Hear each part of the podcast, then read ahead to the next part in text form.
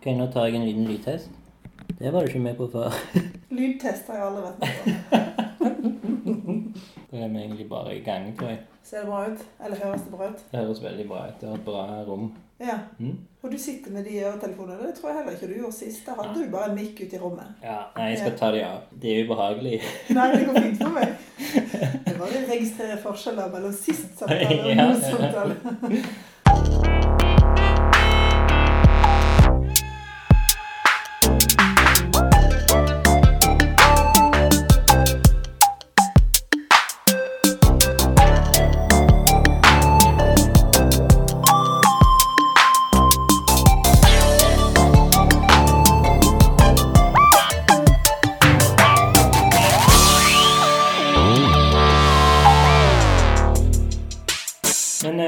Tilbake, Merete Jonvik i Lunken kaffe. Tusen takk, Espen Birkedal. Mm? Er nå i din eh, spisestue. Ja, det er vi. Hvor lenge har du bodd her egentlig, på Våland? Jeg flytta hit til Stavanger og Våland i 2008. Så du har vært i samme hus i Helt ti år? Nei, Mm. ti, Mer enn det. 14-13 år. Ja. ja. Veldig fint. Men nå er de på å bygge om på det. Ja, tenkte ikke vi det at det kunne være litt sånn bra konseptuell ramme til podkasten temaet ditt? At det er Mm. stillas og, og oppussing på utsida. Vi holder på å male huset og Ja. bygger del, eller bytter delvis kledning. Så nå er det noen som jobber utenfor eh, huset her hver dag. Kommer klokka sju. Det blir veldig fint, tror jeg. Men apropos etablert, så er det jo det er i hvert fall ikke noe man eh, driver med når man er ung og har en nomadisk tilværelse, for å si det sånn. Nei. Så ja, nå er det stillas rundt hele huset. Du visste og vet at jeg etablerte en del av temaet for tida Ja, i Lunken kaffe. ja. Så derfor ville du ha det her. Jeg foreslo det, og så Mm. hadde du aldri vært her. Nei. Så det var jo òg eh, Jo, absolutt. Og noe. har du hatt hjemmekontor òg her? Ja, i store deler av det året som har vært pluss pluss, så har jeg jo det. Så da har egentlig sittet her Du har sittet her, ja? i, stu, i spisestua og vekselvis på kjøkkenet, alt etter hvor mange andre som er hjemme. Ok. Så da er på en måte dette ditt studio, da? Ja, man kan vel kanskje si det. Men jeg eh, flytter meg mye rundt. Jeg har òg sittet i stolen for, på Zoom-møter og alt mulig, sånn at jeg er egentlig litt rundt i hele første etasje her. Men hvis det har vært noen base, så har det vært her, da. Ja. Men nå er det jo jaggu deilig å komme på kontoret igjen. Det må jeg bare si en gang til. Eh, For det. Så nå har jeg tatt med meg alt. Det har egentlig ligget veldig mye papirer og bøker og PC-er og headphones og alt mulig her, som vi sitter nå. Men eh, litt sånn symbolsk rituelt så tok jeg med meg alt det opp på jobb. For nå skal jeg prøve å ha litt eh, tydeligere skille mellom hva som er jobb og hva som er fritid. Mm. Det bordet her er jo helt, helt tomt. Det er ikke en duk eller noen ting. Nei. Og det, har det stått sånn i et par dager, eller rydda du litt før jeg kom, eller? Eh, duk liker jeg ikke, det må jeg si først, så det okay. bruker jeg ikke. Men av og til står det noen blomster her eller noe. Mm. Eh, av og til ligger det veldig mye eh, leker og tegnesaker. Så det jeg gjorde før du kom, det var at jeg, foruten å ta med bøker på, og papirer på jobb denne uka, så har jeg rydda sammen et eh, puslespill som ligger der borte. Po yeah. Pokémon-puslespill på 1500 brikker. Så det var det som lå på bordet i okay. forkant her. Ja. Og det var ferdig pusla, så det var Det var ferdig pusle, ellers hadde jeg aldri Ja, hvordan skal vi begynne med en liten eh, oppdatering på, på deg? På Merete Jonviks liv? Ja, er det det som er den første posten? Eller er det det du er interessert i? Hva har skjedd siden sist? Eller? Ja, lunkent gjensyn er jo en eh, segment. Ja, ok. Populært segment. Jeg har hørt mye om det. ja. Jeg savner deg, jeg trenger deg, lunkent gjensyn. Lunkent gjensyn, altså at du møter noen igjen og spør hva som har skjedd siden sist. ja, eksakt. Du skjønner? Mm. Ja. Og Og- sist kan du refreshe litt på når sist var, da. Eh, det var i 2018. Juni. Ja. Husker du noe? Jeg husker ikke tid, men jeg husker rom. For jeg husker at jeg sykla ned til det som da var konsulatet borte i Hillevåg.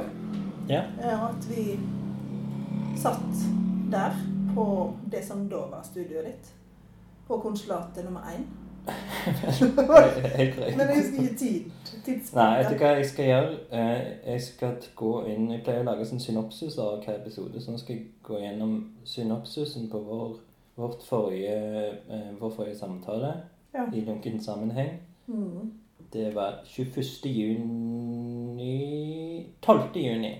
Ja, 21. juni ble den lagt ut. Jeg husker du godt, og korrekt. Ja. Kunstsosiolog, seniorforsker på Iris og Anna Iles andre ønskegjest Merete Jonvik besøker verkstedet en lunken sommerkveld, og vi snakker om at hun har kuttet ut sitt mellomnavn. Ja, det var en viktig del av samtalen. ja. Lunkent bekjentskap, hennes noe uheldige minne å gå på kunstting i Stavanger, hennes forhold til Stavanger, hennes tidligere bosteder, hennes barns forhold til Stavanger, mitt forhold til Stavanger, hvorfor hun flyttet til Stavanger, hennes doktorgrad, når og hvor hun startet på kunståpninger, nysgjerrigheten hennes rundt salget av Barbara Hepworth-skulpturen, lunken skål, Merettes forhold til kaffedrikken. Det snakket vi om litt tidligere, Ja. mm. før, før mikrofonen ble slått. Eh, hennes forhold til Tove Kommedal, Hans Edvard Hammonds og Anna Ile, Arnhild Sunnano, Prosjektrom Nordmanns, mine komfortsoner i kunstsammenheng, mine tryggheter og utryggheter i kunståpningssettinger, Margrethe Aanestad, Bruksrommet, Ingrid Tugård, ti års arbeidsstipend for kunstnere, Meretes lille tekst i Norsk kunstnerbok 2018, å skrive på nynorsk, Bergman, lunken dagbok og og utforske sitt eget sinn, når Merete tok personlighetstesten Big Five, for lite og for mye selvinnsikt, selvskryt, bilister, syklister, bussister og passasjerister, min selvskryt, A-mennesker og B-mennesker, Meretes penn, jeg forteller om en lunken kaffe i høydere, hva da etterpå 2018, og så snakker vi litt om Stavangers kunstmiljø i dag, før vi avslutter kjapt og presist. Det hørtes riktig hyggelig ut. Ja, at det var Men òg innholdsrikt. Ja, Pakka med spennende temaer der halvparten handler om Stavanger. ja. Men uh, vi var jo innom det meste da. Ja, fram til da. Og så er du da opptatt av, eller interessert i å drøse videre etter 2018. Er det sånn? Ja. Ja. Trenger ikke være sånn veldig langt, eller du, du kan plukke ut høydepunkter fra livet. Tusen takk. Trenger ikke det har tatt veldig lang tid. Trenger ikke ta med sånne kjipe ting som skjedde. Ja, Men du vil det at det skal være kunstrelatert? Ja, eller liksom bare litt noe personlig Ja. eh, som har funnet om deg sjøl, eller Ja, for det var jo en del eh, om både meg og deg i den forrige Ja. samtalen. Absolutt. Personlighetstrekk og Det er jo alltid kjekt. angst for åpninger og sånn. Ja. Det har du kommet forbi.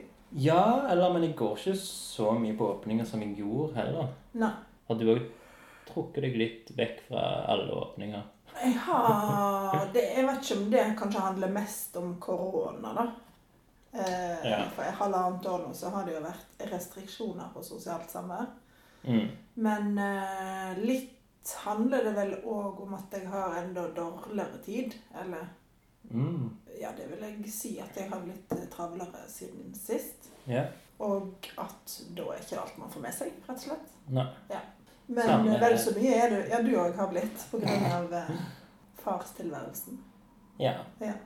Ikke Kanskje. alltid det passer å gå ut på et spesifikt tidspunkt da lenger. Nei, men det er på en måte litt innafor tidspunkt. Ja. Babyen har jo vært med på en del åpninger Ja. Altså i i 2019, da begynte det å trappe ned litt. For da fant jeg ut at jeg ikke trenger å gå på alle åpninger. ja. Det er ikke viktig, liksom. Det er så viktig som det var. ja. Men det her er jo din egen bane mot å bli etablert, sant? for du var infiltratøren, og da måtte du være på alle arenaer mest mulig. ja, ja, Og være der det var åpninger, og der det var aktiviteter i kunstfeltet. Og så er du ikke fullt så avhengig av det Mm. når du ikke infiltrerer lenger, eller når du nå har en plass i kunstfeltet. Henger ikke det sammen Jo, slik òg, da? helt sikkert. Pluss at du har etablert deg med barn, Mm. Og at det har vært korona i ditt liv òg. det har det jo. Jo, det har det. Ja. Altså, du har jo ofte jobb, en jobbrelatert ting òg med å gå på åpninger. ja. Den, Det har har jo altså bo. Det går jo i interesse for å gå på åpningene eller å se hva kunst som blir presentert. Ikke alltid det skillet mellom hva som er jobbrelatert og fritidsrelatert, eller privat interesse, holdt på å si. For det at eh, ja, de der de går egentlig helt i hverandre. Men av og til så har jeg jo skriveoppdrag, eller jeg holder på å følge et kunstnerskap eller noe. Mm. Og da er det jo mer som direkte jobbrelatert å gå på utstillinger. Ikke nødvendigvis åpningene, da, men å se Nei, ja. utstillingene. Men jeg har jo tenkt eh, kanskje eh, enda kraftigere siden sist vi snakka, så har det vokst fram en veldig sånn tydelig tanke om at hvis du skal få med deg en utstilling, så er du jo i hvert fall nødt til å gå to ganger. For på åpningen så er du jo der for folka Mm. og kunsten. Og folka står foran kunsten, på en måte. Eller mellom, sant? I kunsten. Mm. Eh, og du er interessert i å snakke med de, eller jeg er det. Og Mm. så eh, er det annerledes å gå på en utstilling og være alene, eller være der bare med to-tre andre som òg er der for å ta til seg kunstverkene, da. Mm. Hvis jeg skal gå så alvorlig til verks at jeg skal skrive om det, eller virkelig liksom få med meg en utstilling, Ja. så må du enten gå to ganger, eller droppe åpningen og gå. Mm. For utstillingen liksom skjuler seg bak alt det sosiale viraket da, som skjer på en åpning. Jo, men som eh, sosiolog så er jo sikkert viktigst med selve åpningen, er det ikke det? Ja, både òg. For det at eh, og, og da skal jeg ikke svare altfor langt svar, men nå kom det opp et veldig mulig langt svar. mitt. Men ja, sosiologien er jo opptatt av eh, folkene og relasjonene og Mm. de personene og de posisjonene de har i kunstfeltet. Og hvordan eh, folk eller publikum tar til seg kunst osv. Mm.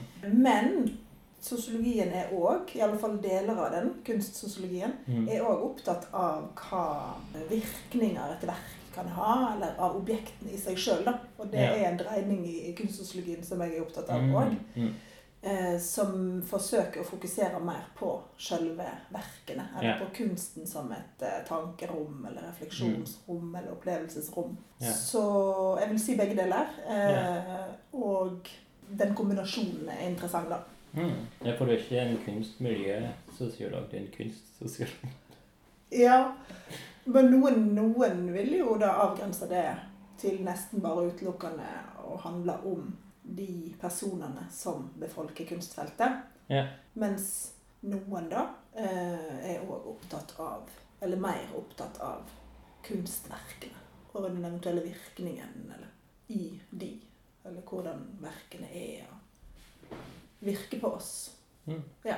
Og det syns jeg er en spennende dreining, da. For det har vært eh, i kunstsosiologien så eh, så var det i hvert fall en som skrev om at eh, verket har vært en blind spot i fokuset til kunstsosiologien. Altså verket har ikke Mm, vært interessant, Okay. det har vært for langt bak på en måte for interessen. Så det syns jeg er noe av det interessante. Å prøve å koble en sånn fokus på materialitet og Mm. det mer tradisjonelle sosiologiske blikket med fokus på personer, roller, relasjoner, posisjoner. Mm. Ja. Men Så det betyr at jeg må gå på begge selvfølgelig for å få med meg begge. Jo, jo. Det, jeg konkluderer jo med det. Men siden vi er inne i segmentet eh, lunken gjensyn, den kunstinteressen din, har den blitt forandra seg siden sist, tror du? Har du liksom fått en mer større forståelse eller en elsk til det, eller en Eller mindre. Ja. Blitt Nei, lei av det, det? den tror jeg har videreutvikla og marinert seg godt siden sist gang okay. vi snakka sammen. Ja. Og jeg har hatt mange flere forskningsprosjekter òg som handler om kunstproduksjon og samtidskunstfeltet. Mm. Eh, Så jeg har bare blitt veldig mye mer interessert og har Mm. fått muligheten til å eh, beskjeftige meg mer med de temaene som vi snakka om sist, eller som er relevant i et kunstsammenheng. da. Mm. Ja. Blant annet så har det jo det større forskningsprosjektet kan man si, eh, som resulterte i en bok som heter 'Kunst som deling delingens kunst'. Sammen Mm. med Eivind Røssok, som er medie, Røssok, som er medieviter, og Hanne Hammer Stien og Arnhild Sundener, som er kunsthistorikere. Mm. Arnhild nevnte du i stad. Eh, Ja. Og så meg sjøl. Og vi eh, hadde da fått i oppdrag fra Kulturrådet å undersøke og forske på nye tendenser og samarbeidsformer i samtidskunstfeltet i Norge. Så definerte vi det til å være etter 2010, sånn at den er innenfor nyere samtidskunstperiode, kan man si. Der vi da undersøkte en eh, et knippe kunstneriske praksiser, altså nærstuderte noen kunstnerskap. og noen eh, kunstformidlingshendelser eller praksiser, kuratoriske praksiser, Mm. og to kunstscener.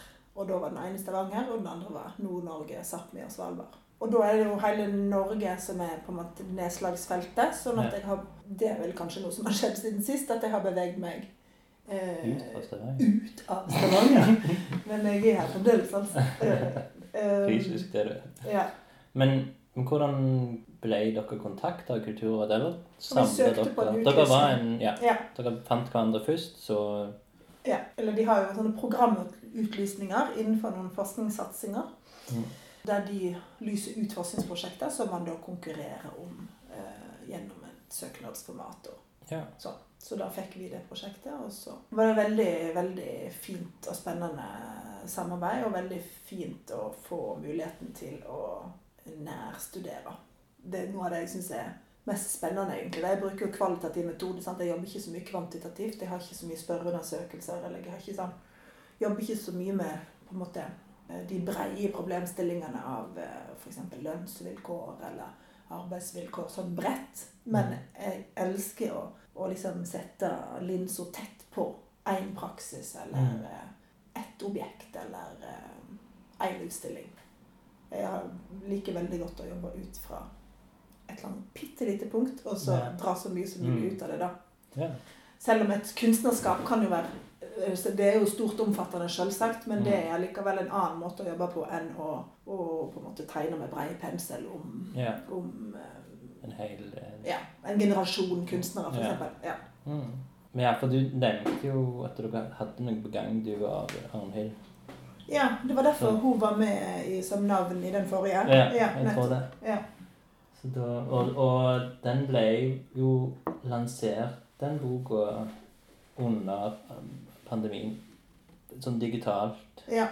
Det skulle egentlig være en fysisk spennende lansering. Det var lagd program og alt, og ja. den skulle være på Kunsthall Stavanger. Med kjekke navn og kritikere som skulle diskutere med oss, og vi skulle få presentere boka, og jeg tror til og med det skulle være et sånn sosialt opplegg og en DJ og greier, men det var eh, midt i Det var vel i mai?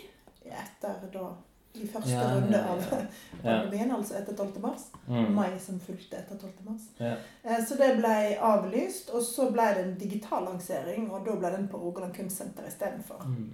Så det ble da en eh, filmlansering i regi av Kulturrådet på Rogaland Kunstsenter. Der vi fikk presentert. Det var ikke live, det var opptak. Det var kanskje helt in between. Vi var nå okay. live, og det ble spilt inn og sendt ut noen timer etterpå, kanskje. noe sånt. Ja, sånn, ja. ja. For dere ser liksom bøkene til Geir har sett. Ja, det var i det fantastiske biblioteket til Geir på. Rogaland Kunstsenter. Mm. Og så var det jo noe med at uh, da var jo det i en fase av covid-19 der folk var kommet forbi den første iveren av å Å, gud, jeg kan få et teaterstykke inn i stua. Eller her er det en konsert med kronerulling og jeg gir Ja, ja, 50 kroner. Og så litt sånn dårlige produksjoner. Men med Mm. stor iver og glede fordi at det faktisk var mulig å ta til seg eller få, yeah. få noe inn i stua. Mm. Men da var vi forbi det, både folk og Kulturrådet heldigvis òg. Og da har begynt å tenke på at eh, produksjonene har noe å si. Altså yeah. hvordan det er lyden og bildet er Mm. er lagt opp, har noe å si. Ja. Så det var jeg veldig glad for at det ble en ordentlig film. Ja. Men da ble du òg forfatter for første gang, eller?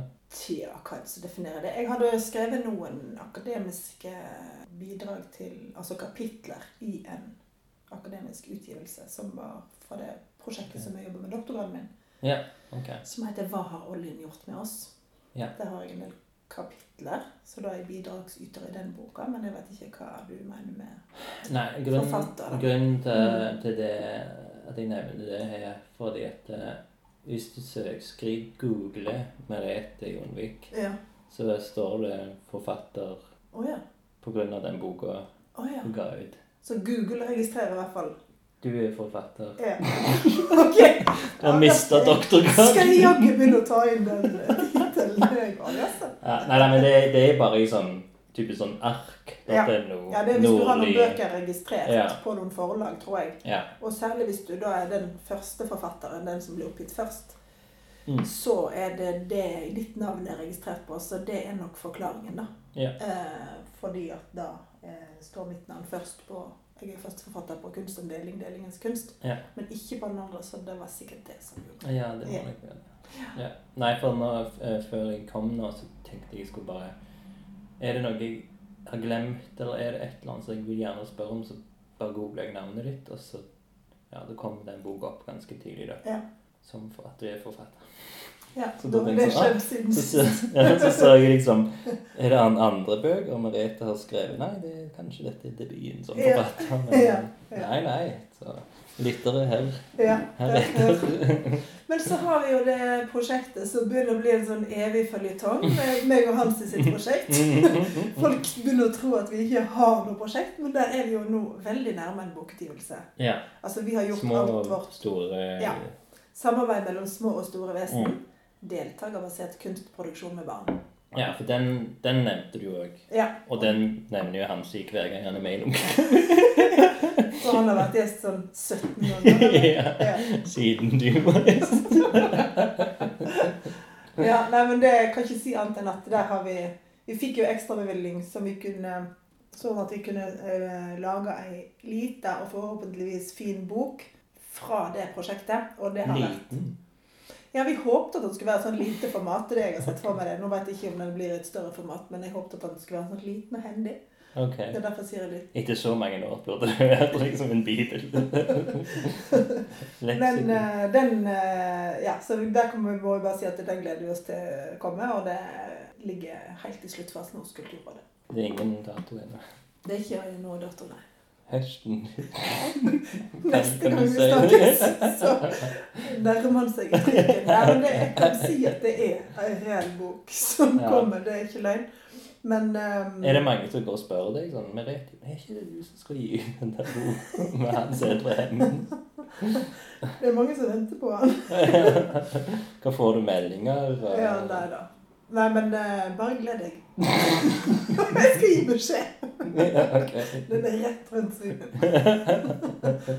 Nei, men Da trenger jeg ikke å si en gang til at det har vært et spennende prosjekt, men det har det jo, da. Ja. Eh, og det har vi fått presentert, eh, fått lov å presentere mange forskjellige steder, og det er tanker og erfaringer og sånn som vi kommer til å ta med oss videre òg, da. Sånn at det har jo Det er jo en pågående prosess, både det vi har gjort og det vi har lært ut fra det. Forsøket med å prøve å gjøre Hansi likeverdig som barna i kunstproduksjonen. Ja. ja. Så det er spennende. Ja, nei, men det, det er kjekt. Og det er for lytterne så kan dere høre på Hans Edre sine episoder for, for å gå dypere inn i det. Ja. Du, en viktig ting Ja. som vi kanskje skulle eh, Som er sånn formalia som jeg skulle tatt først. Ja. Jeg har skifta jobb. Eh, eh, ja, du sa jo- ja, ja. Jeg jobba på Norse sist gang vi snakka sammen. ja. Norwegian Research Center. Mm. Mens 1. april i Rett etter 12. mars, da, i 20, Er det 2019-korona? Nei, 2020. 2020. Jeg tror det har vart i tre år. Det virker så utrolig lenge siden jeg klemte fremmede og var på sånne store fester. Ja, nei. Ehm, men i alle fall så begynte jeg da på Universitetet i Stavanger. Ja.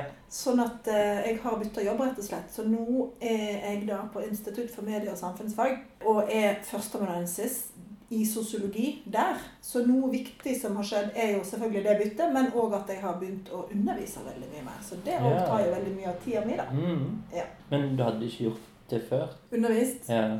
Litt. Ja. Mm, gjesteforelesninger og Ja. diverse. Men er du én til én noen gang, eller er det kun stor sal? Én til én er man hvis man er, er i veiledning. Sånn Ja, okay. på veiledning på bacheloroppgaver f.eks. eller sånt, så Mm. er det én til én hvis ikke de samarbeider.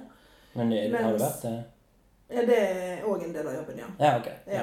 Mens det emnet som jeg har hatt til nå, da, som jeg begynte med å lage, som heter sosial ulikhet, der er det 160 studenter. Så det er en Wow. liten fabrikk. Men ikke fysisk til stede? Vi hadde en hybridløsning, eh, som det heter. Eh, og det var akkurat mulig på den høsten jeg underviste. Og der fikk vi lov til å ha fysiske forelesninger så framt at avstandsbegrensningene kunne holdes Mm. for førsteårsstudenter, så de ble prioritert. Aha. De som, det er ikke alle som nettopp har flytta til byen, men jeg syns det var en veldig grei prioritering at de som er første år, så gjerne ikke har så stort nettverk, noen av de er liksom 1920-21 og har nettopp etablert seg i Stavanger, Ja. eh, og at de da kunne få, eh, få tilbud om fysiske forelesninger, det syns jeg var fint. Sånn at det Mm. var faktisk halvparten sånn cirka som kunne møte fram, da, eller som valgte å møte fram, og så Ja. nesten så forelesningene på opptak. Ja. Ja. Ja, for det er ikke live der. Der òg er det et god produksjon, TV-produksjon. ja, ja, innen media. Ja, det er gode folk som jobber med det på Ja. universitetet. Jeg har fått veldig god hjelp. Det eneste som var problematisk, var hvis det, liksom, det var utrolig stor belastning på de der serverne og Jaha. Mediasite-programmet. Sånn at det, noen ganger så gikk det rett og slett eh, Ble det for mye for eh, de. Ja. Det, ellers så hadde det gått veldig fint. Mm. Så det er jo nytt, da. Det må sies. Men hvordan var det da å Altså, du har jo vært foran mye folk og opptrett i her- hermetegn. Går du inn i en rolle, eller liksom Nå skal jeg være underholde eller holde de våkne, disse Ja. sløve Det var dine ord. Jeg tror ikke du uansett at man går inn i en rolle. For at du er jo Ja. bevisst på at du går fra La oss si at du sitter på kontoret ditt, eller går ute, mm.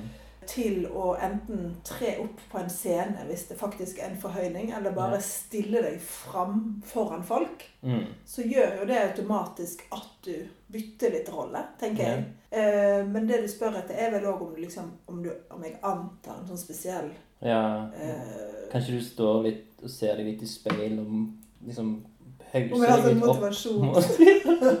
Han som mantra du Ja, går det er jo en del Jeg tror ikke du får liksom mest juicy historier fra meg der, men det, det, det fins i bransjen, det kan jeg si. Ja, Det er noen som ikke spiser før forelesning, eller sikkert noen som klapper seg i fjeset. eller noe. Det er nok en del sånne ulike strategier for hvordan en skal være påkobla. Mm. Og så er det sikkert mange som, som ikke har det, som bare går inn Jeg tror ikke vi er så spesielle som liksom toppidrettsutøverne. Der har det jo nei, nei. mange som har vanvittige ritualer. Men Ja. det som er viktigst for meg, er å være godt forberedt. Mm. For jeg tenker det skylder vi studentene. Ja. Så jeg har tenkt voldsomt gjennom det som jeg skal si, og hva jeg vil ha fram. Mm. Eh, og så er det om en har lyst til å diskutere og få de med seg, så må en jo ha en plan for hvordan det skal gå til. Altså hvordan skape engasjement, eller få de til å svare på spørsmål, eller få de med på diskusjoner. Men spør du spørsmål fra scenen, så er det én av de 105 som rekker opp hånda. Det er noen som er med på det. Ja. Veldig mange som ikke. Men Nei. vanskeligere å få i stand diskusjon, selvsagt, i ei stor gruppe. Ja. Og eh, når det er, sitter folk og følger det på live på hjemme, som Mm. ikke kan ja. Det er mye sånn Skal vi sende mikrofoner rundt? Det er en del teknologiske ja, issues. Og så er det òg selvfølgelig høyere terskel for studenter å kaste seg uti en diskusjon jo flere det er i rommet. Eller det vil jeg anta. Ja, det husker vi jo absolutt. sjøl, liksom, at det, Mm. hjertet begynte å banke på siste rad på X-film hvis du skulle svare på noe, liksom. Sant? Eller på første rad på den. Ja. Så jeg tenker at det med forberedelse er, er viktig. Og så at jeg Jeg vet ikke om jeg gjør noe veldig sånn spesielt, men jeg må være våken, da. Ja. Og framoverlent og Har du et, en, et, noe drikkelig Vi har vann, ja. Vann, ja. Når du, står, altså, du snakker i to timer, Ja, så blir ja. du jo tørr. De varer såpass. Men det er vel pause? 45. Ja. Okay. Hvis du holder deg til tida! Kanskje kaffe må du ha med. Men Varm kaffe. under snakket Ja, ja. ja. Eller før, eller ja. Mm. Det er tid til en slurk. Ja. Men da er alle andre veldig i spenning mens du tar slurk. Det Hvor stor spenningen er, det vet jeg ikke. De må i hvert fall vente. Men så bra det er populært kurs, da. Eller kanskje, kanskje ikke kursfag. eller- Jo, du kan si kurs, Ja. men jeg vet ikke om det er så populært, for det er de som går på det programmet. Det er et obligatorisk emne, så de har ikke valgt det. Men Nei, sosiologi, da, som sådan, Ja. eh, er det mange som søker seg til. Eller Mm. det er et stort bachelorprogram. Ja. Så det syns jeg var givende og kjekt å ha det kurset. Og du angrer ikke på at du gikk fra norsk til, til Nei. dette? Nei, jeg trives godt. Ikke én dag. Jeg trives veldig godt på universitetet. Ja. Så bra. Så bra. Men du hadde, jeg føler du har hatt noe med universitetet å gjøre en god stund. Eller utenom at når du tok din egen doktorgrad. Ja, for den, tok, den avla jeg jo på Universitetet i Stavanger. Men Ja. det er jo de to akademiske bedriftene, hvis du skal kalle det det, i Stavanger. Så de samarbeider jo. Ja, sånn er det. Nors og Ja. universitetet. De har, har samme, nesten samme lokasjon, eller? De ligger på Ullandøy begge to, Ja. eh, mens Norse ligger ned mot Oljedirektoratet. Det er jo i nærheten. Det er jo i nærheten. Ja. Men det er ikke mye jeg har vært der. For du vet hvordan det er når du flytter på deg, og så tror du at du skal dra veldig mye til det gamle stedet. Sant? Enten, enten du bytter by eller noe sånt. Ja, men jeg kommer til å være her mye. Men det gjør man jo ikke. Nå er det laget lyd her. Det var din telefon. Aha, det er to meldinger. Ja. Lunken Merete i dag klokken 19. Er det en alarm, det? Ja. Ja, for vi har sagt klokka sju. Hvordan kan du forklare den nye tids... Jeg skal noe hemmelig etterpå. Nei, det skal... Nei, jeg Nei, det bare passer bedre å skyve litt på det. For jeg var okay. tidligere hjemme enn jeg trodde. Aha, sånn, ja. Kaffe. Lunken kaffe. Neste. Neste oppdatering. Eh, var det det du ville ha? Ja. Ja. Eh, Hele episoden kommer bare gjensynsmimring. ja, ja. Nei, men altså Det som jeg har trivdes med mye siden sist, og som jeg har gjort mer enn jeg tror jeg snakket om sist, det er å skrive friere kunstfaglige tekster. Ja. For, for KAS. Mm. Contemporary Art Stavanger. Jepp. Mm. Eh, så det har jeg eh, stor glede av. Å prøve å forfatte noe som henger sammen om, sånn som jeg sa i stad, om én utstilling eller Ja. Og for eksempel så, så skrev jeg jo om eh, Skaus. Mm. Som vel ikke er et lite objekt eller en liten utstilling, men det var jo åtte utstillinger ja. på to forskjellige lokasjoner. Men det, sånne type tekster syns jeg det er veldig kjekt å skrive. Ja. Som da handler om eh, du, da er det jo mer prosjektet Skaus du snakker om, og de etappene og Ja. Den piloten de kalte det, som de hadde i Stavanger. da. ja. Så da det jo, var det jo fire utstillinger på Rogaland Kunstsenter og fire på den ventetomta. Og så Mm. hvordan de sto til hverandre eller ikke sto til hverandre, de utstillingene der. Hvordan kunstnerne kommuniserte seg imellom. For de lot jo verk stå igjen. Det var Mm. definert av uh, den kuratoriske personen Skaus. At det skulle stå, stå igjen, sånn at neste kunstner kunne ta det vekk eller gjøre det en ville med det, eller integrere det eller noe. Og da hvorfor de hadde valgt Rogaland Kunstsenter og ventetomter. og Forskjellene mellom det, for Rogaland Kunstsenter er jo inne i institusjonen, i kunstinstitusjonen med stor K, mens ventetomta er ute i det fri. og Men snakket du med kunstnerne bak prosjektet, eller de som ble invitert? Eller var det mer din observasjon? Eller det Jeg snakka en god del med de tre kunstnerne som i dette tilfellet da var kuratorer. Mari og Håvard og Markus. mm. Da kan du legge til etternavnet etterpå hvis du syns det er viktig.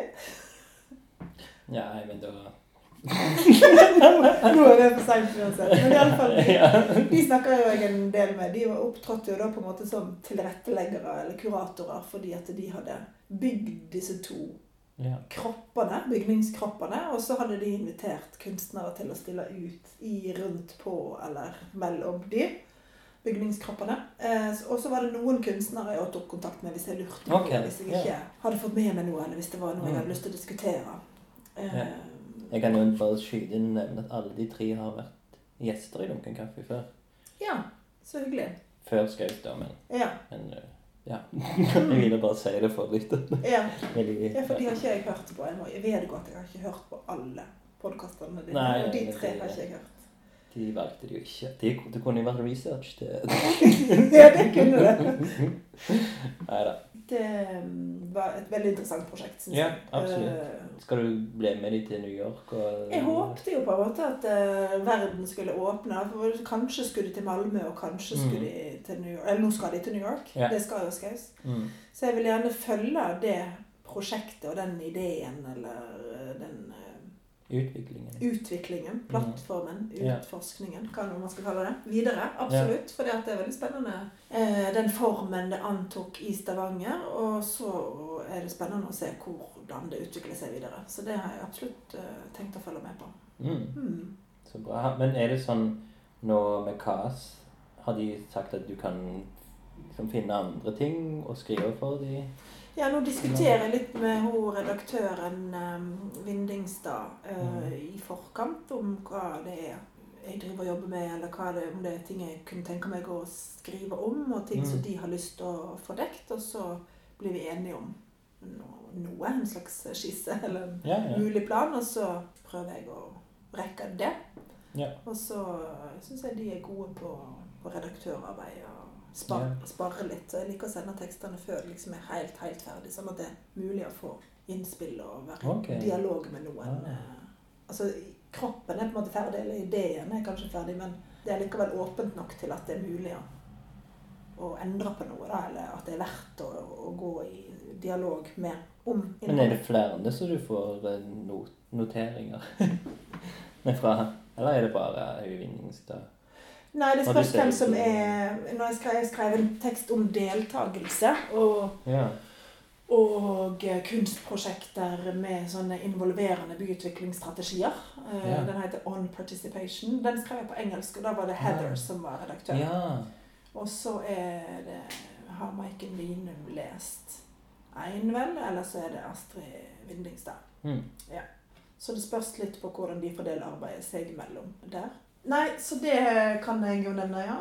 Og uh, what else? Jeg Eh, føler at jeg har sagt nesten mye av dette her samme før. For jeg hadde jo en sånn praksispresentasjon på Rogaland Kunstsenter. ja, stemmer. Der får du òg lov å sitte i 45 minutter eller 40 mm. minutter og snakke om eh, hva du har gjort. Men det er jo Da vil jeg heller eh, snakke om bak kulissene.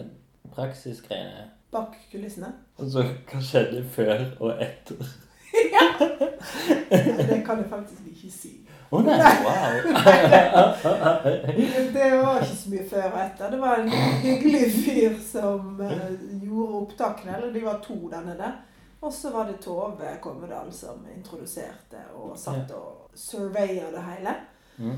Og det var klokka ti om morgenen, og etterpå så gikk vi videre. Så det var ikke så mye bak kulissene. Men når du fikk For det jo vanligvis er det jo kunstnere som presenterer Ja. de sine produksjoner og lignende. ja.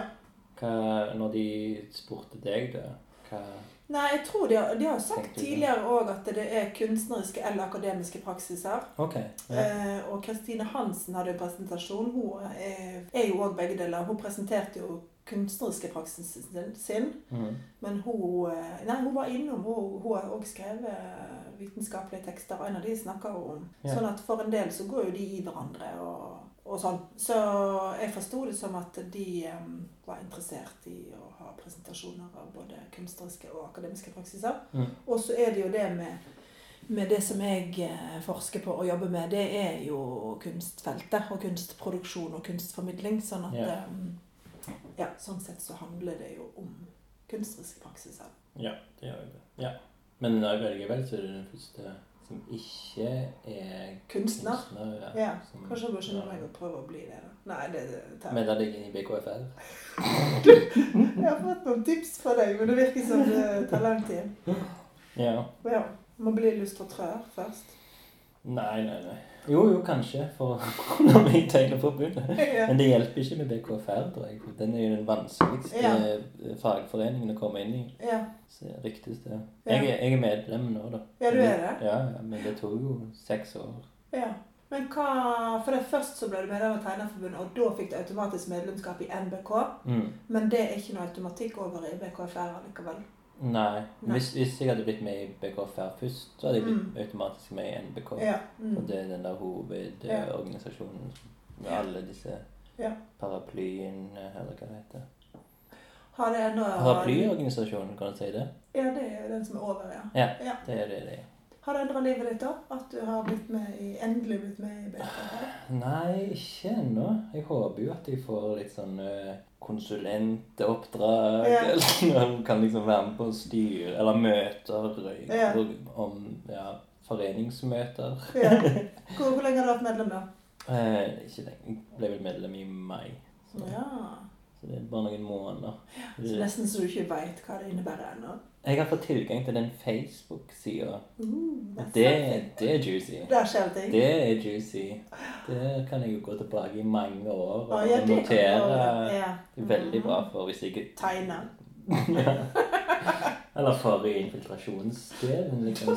Ikke du gi ut ei bok, da? Og det blir etter etablert, så blir det BKFRs skitne historie. Ja, ja, ja. Tegnet av sjølbiografiske dyr. Ja, Eller bare ta sånn masse screenshots av det på Facebook-gruppa. Ja, så slipper du å tegne, liksom. Ja, ja. Det er en del bøker som bare er sånn. ikke? Ja, det gjør det. Jo da, det er bra, det. Da blir du kunstner. ja, da er det konsept. Ja! Herlig. Her har du en uh, vei å gå. Mm. Men vi kan jo egentlig gå inn på Altså, vi er ennå i segmentet, men vi kan ta en pause fra gjensynssegmentet Ja. og, gå inn- og gå inn i segmentet etablert. ja.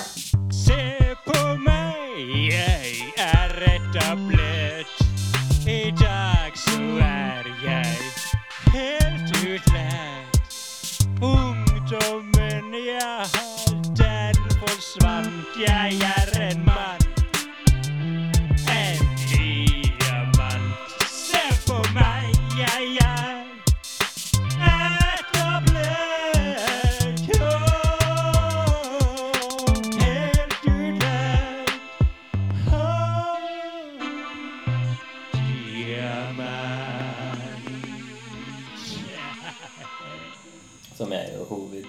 hovedtemaet. hovedsegmentet. Så vi kan gå tilbake til delsegmentet hvis vi vil.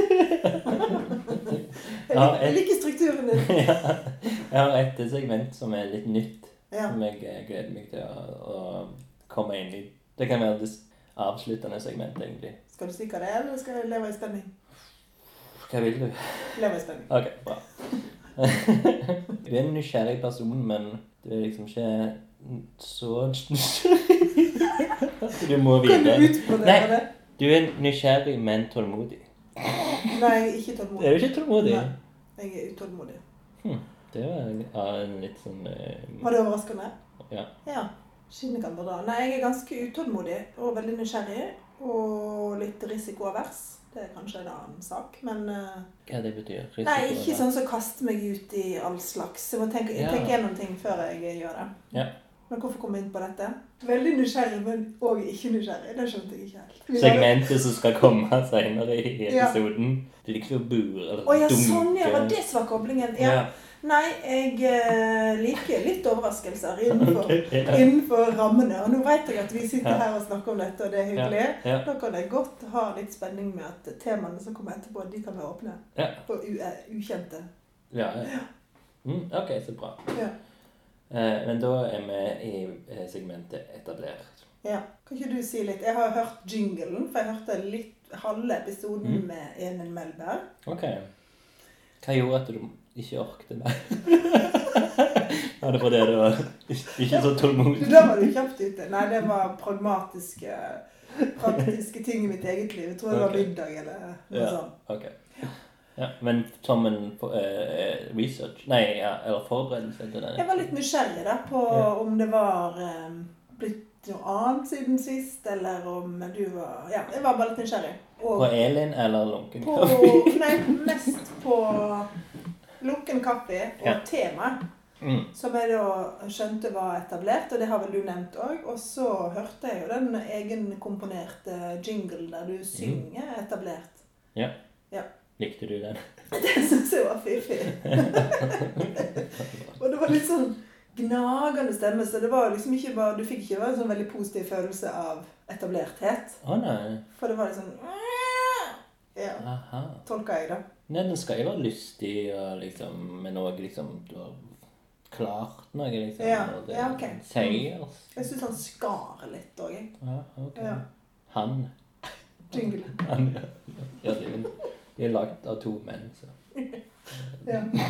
men da eh, Ja, så da uh, hørte jeg jo på noe av det som uh, Eller din forklaring på temaet, da. Men du kan jo si litt om det nå òg, altså på ny.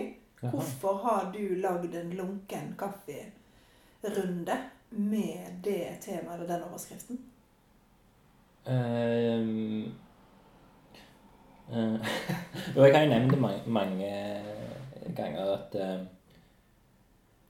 det å være etablert som kunstner er veldig flytende, og det er, veld, det er ikke så mange som enten innrømmer at de er etablerte, Mm. og det er òg folk som syns at det etablerte kan være sånn litt negativt, på grunn av da er du på en måte den Du er ikke ung og lovende lenger. Mm. Og, og jeg syns det er så interessant at eh, når du blir 35 år, eh, så er du etablert ifølge Kulturrådets Mm. eh, sånn søknad om arbeidsstipend og sånne Mm. ting. Og så er jeg litt opptatt av å bli liksom etablert sjøl, så må jeg finne ut hvordan kan jeg kalle meg etablert. Akkurat, egentlig litt det samme, så hvordan kan jeg kalle meg kunstner? Ja.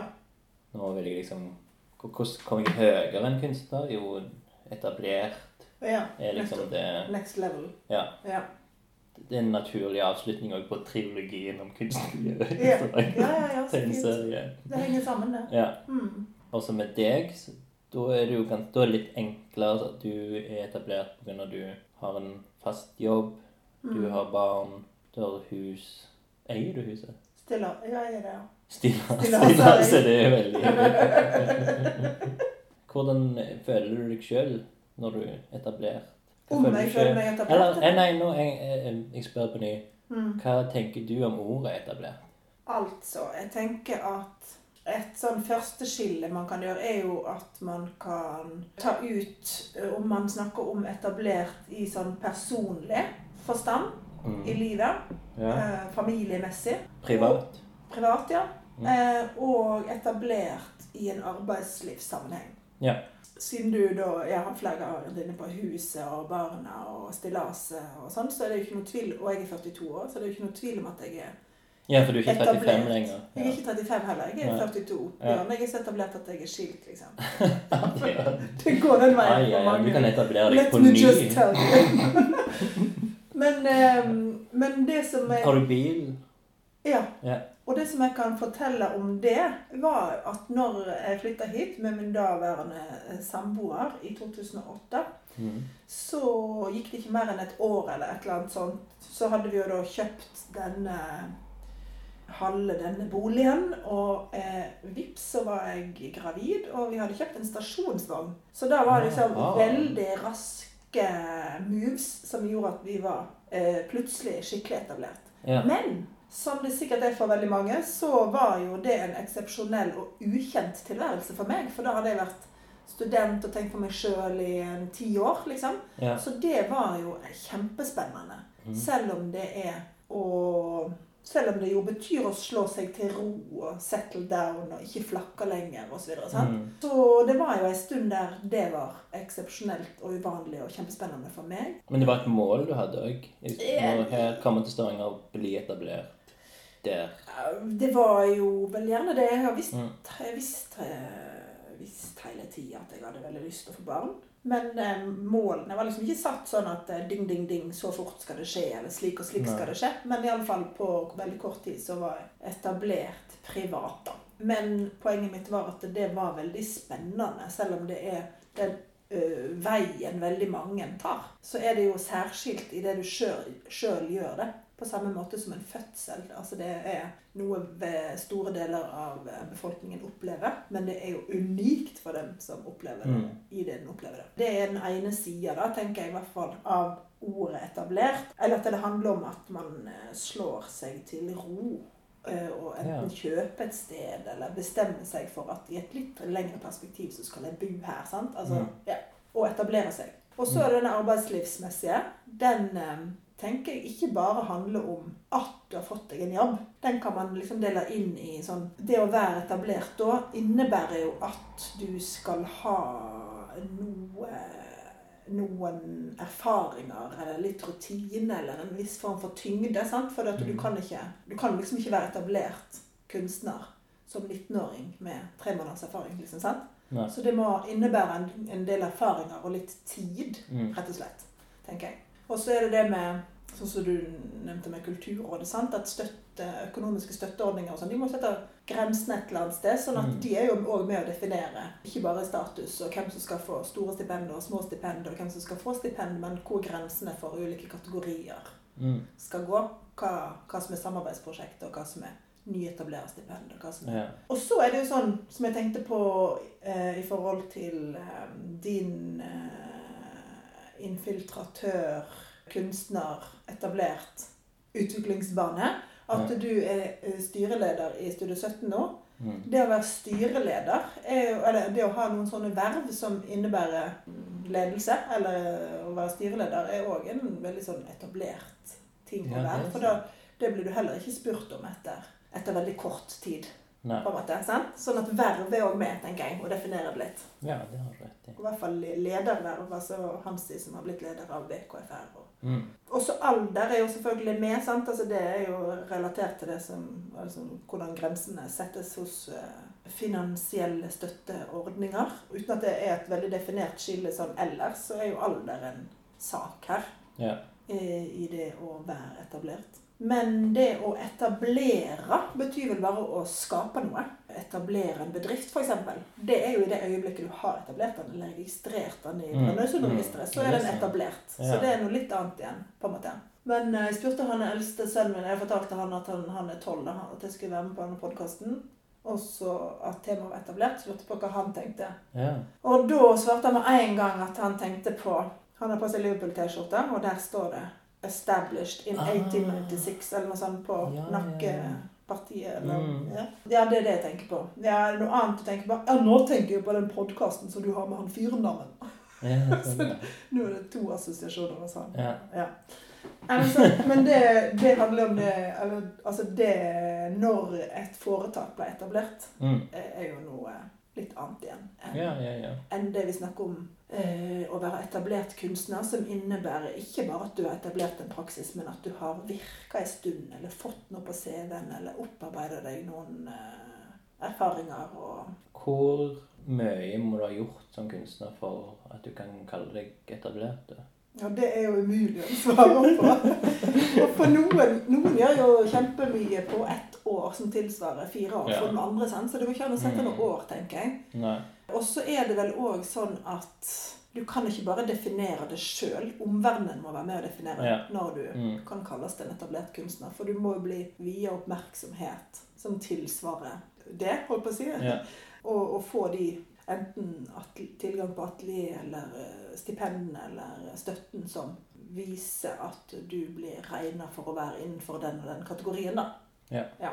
Så jeg tenker at omverdenen, både, kan, altså både finansiører og media og folk, Ja. altså kunstfeltet, eh, Mm. har jo en, eh, en rolle her i å, å definere hvem som er etablerte kunstnere ikke. da. Det har jeg på en måte sagt et par, eh, til et par av disse kunstnerne som jeg har intervjua, at uh, når folk vet hvem du er uten at du har søkt eller plukker deg ut Mm. til en utstilling, da må du på en måte være litt etablert for at de hele tatt vet hvem du er. Mm. Det følte jeg var en liten definisjon Ja. det. Men så spørs det om du kan være on everyone's lips. liksom. Om du kan være et hot navn og nesten uetablert. Hvis du får veldig mye oppmerksomhet eh, et halvt år etter du er ferdig på studiene. Mm. Mm. Er du da en etablert kunstner, eller er du bare en som får veldig mye merksemd? Det er jo kanskje et sånn Ja, ja, ja, in between-tilfelle. Det har ikke jeg tenkt så mye på før vi snakker nå, men Nei.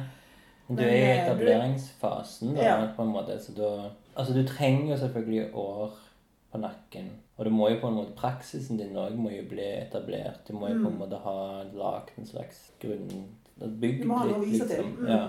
Nei, Men det vi er kanskje kan liksom skille mellom, da, det er at eh, når det gjelder å etablere en bedrift eller starte opp en virksomhet, mm. så er det mye mer sånn datofesta. sant? Liverpool ble etablert i 1896. Ja, ja. Eller du kan nevne andre foretak.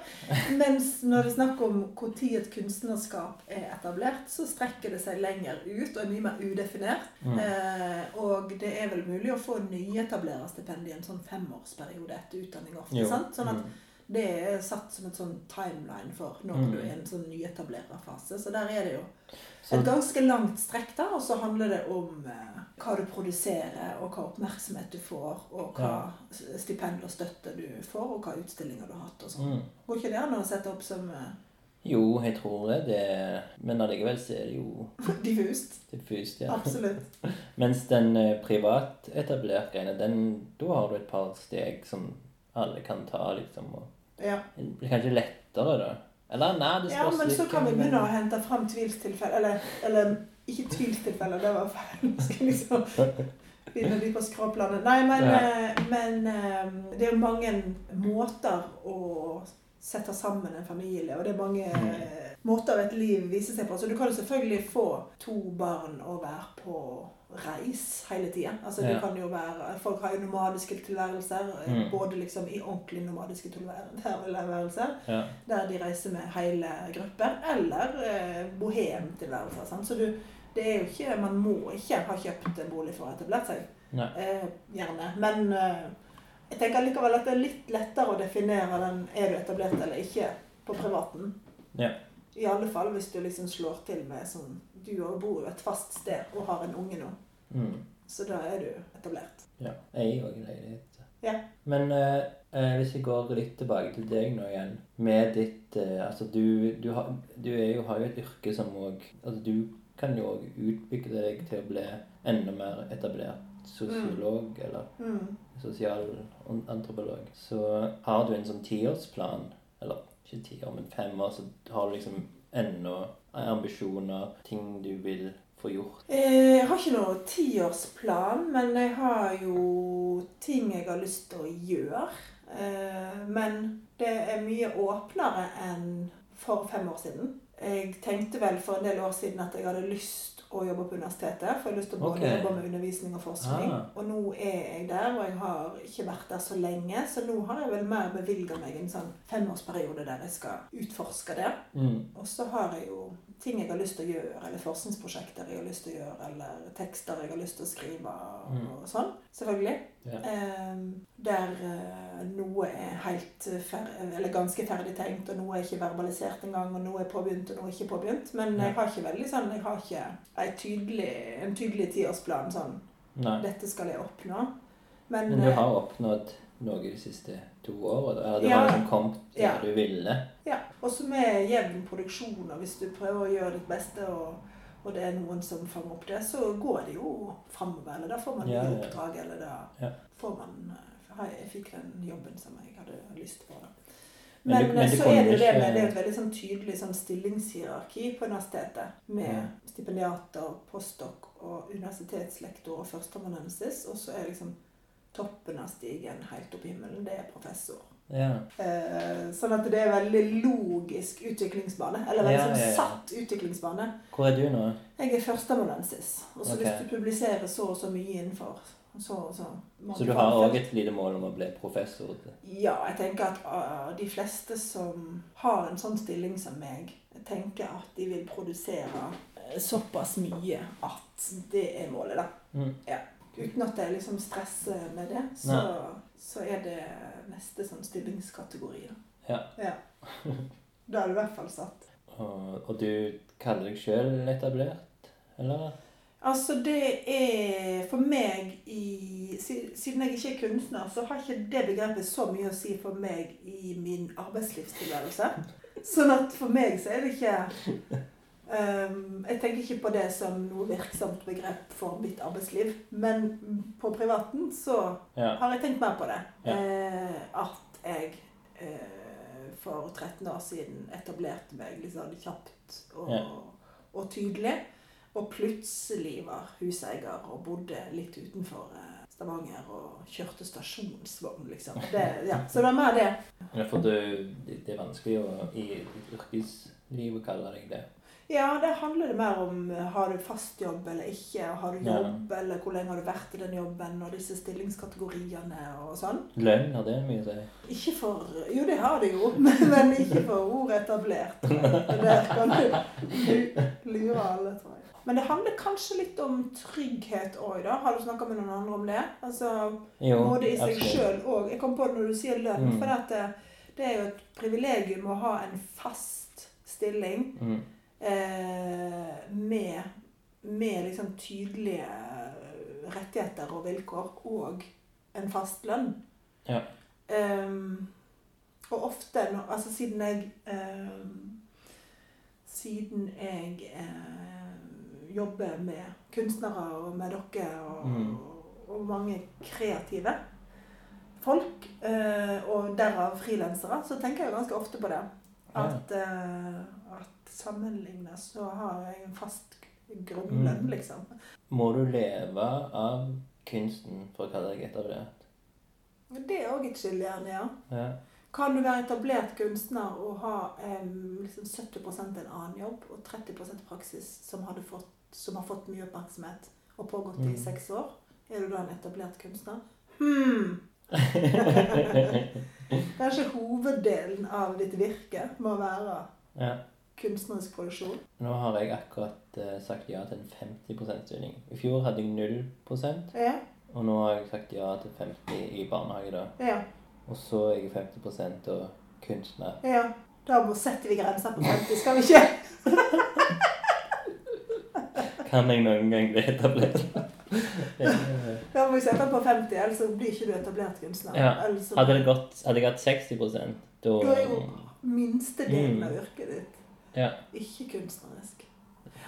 Ja, nei, men da, Det òg var da en, et moment du må legge til. Jeg regner med å oppsummerer og lage en liten sånn rapport etterpå. Men trygghet og eh, hvor stor del av eh, ditt virke brukes til kunst, det òg moment Mm, inn, mm, mm.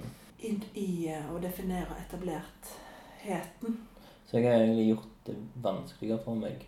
Selv om jeg får mer trygghet med, med den nye stillingen min, Mm. Så mister jeg òg den tryggheten med å bli etablert. Mm. I hvert fall når du nå kommuniserer det ut. da. Det tror du kunne kommet unna med det hvis ikke du hadde sagt det til noen. sant? For da hadde du bare fått Ja, det sant. ja. økonomiske inntjeningen på det. Men så kunne du Nå har jeg problemer med å få stipend og alt mulig her. Ja. ja. Nei, du får undersøke dette, så får du klippe det som skal klippes. Nei, nei, jeg liker å være transparent. Ja. Ja. Men da kan vi legge etablert ned. Ja. Vi har ikke flere momenter som skal til der. Mm. Ja, så det er jo Jo, nå kommer jeg på noe. Jaha, bra. Og det er jo, for jeg tenkte sånn, begrepet satt. Sant? Det handler jo òg om noe at man tenker at ung og lovende innebærer en positiv naivitet eller en, et vitebegjær, en kreativitet, en sånn skjødesløshet med tradisjon, kanskje. Så det er noe med hvordan man er òg, Mm. som vi kan legge til her. Eh, som selvfølgelig ikke er, mulig å sette opp sånne tydelige skiller, men, men hvis det etablerte er establishment eller tradisjonen, sant, så er jo det det som har blitt reprodusert eller har blitt gjentatt, eller det representerer, som jeg sa i stad, tyngden Mm. og, og erfaringen og rutinen og ekspertisen. Og mm, de, de som mm, er i det segmentet, eh, kan jo fremdeles være leikne og kreative og, og sprø og, og vitebegjærlige, selvsagt. Ja. Men, men eh, disse tingene ligger jo òg til ordet etablert. At man tenker at unge, friske, upolerte eh, kunstnere representerer noe annet enn eldre, erfarne kunstnere som har gjennomlevd eh, liksom, flere kunstneriske epoker, til og med, kanskje. sant? Ja. Det er òg noe. Selv om det ikke går an å si at en kunstner på 60 er slik og slik, og en kunstner på 18 er- eller 23 er slik og slik, så er det allikevel noen forventninger eller noen tanker som opererer her, da, knytta til etablert begrepet. Eller. Jo, for det er jo de som har mye erfaring og jobber, som har lyst til å være unge og lovende. Mm. Og har lyst til å ha den energien. Og det er jo ofte det at de blir mer lagt merke til, de unge lovende. Mm. De kan få en viss oppmerksomhet som de eldre da er, er litt misunnelige på. Ja. Der, der, da, da kommer jo den der litt skumle delen av etablert. Ja. Eh, og så er det jo eh, det å si at det er jo veldig mange i det etablerte segmentet som òg er eh, nytenkende og Ja, crazy og sprø. Sant? Så det er, ikke, det er ikke nødvendigvis enkelt å, å, å skille det. En, en ting som jeg glemte på den første segmentet ditt, lunkent gjensyn. Ja, ja, men det kan vi jo Ja, det skulle vi jo tilbake til. tilbake. Nå kommer det. Ja.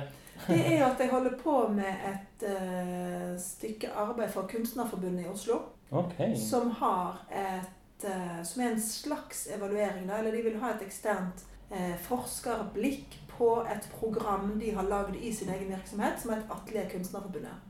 Mm. Som er eh, tilbud om gratis eh, atelier i Kunstnerforbundet sin eh, lokaler. Okay. For de fikk frigjort noen etasj, en etasje der og noen Mm. atelier. Pluss at det er et utviklingsprogram som skal da bistå de kunstnerne som er atelierkunstnere, i sine produksjoner og kunstnerskap mens de er atelierkunstnere.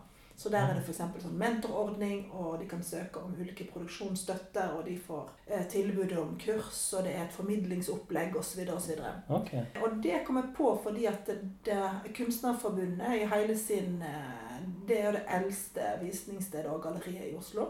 Mm. Har eksistert i over 100 år. Det er jo helt utrolig, Espen. Ja, Et visningssted som har eksistert over 100 år og har vært på samme sted siden Er det- 1917. Har det vært kunstnerdrevet òg? Ja.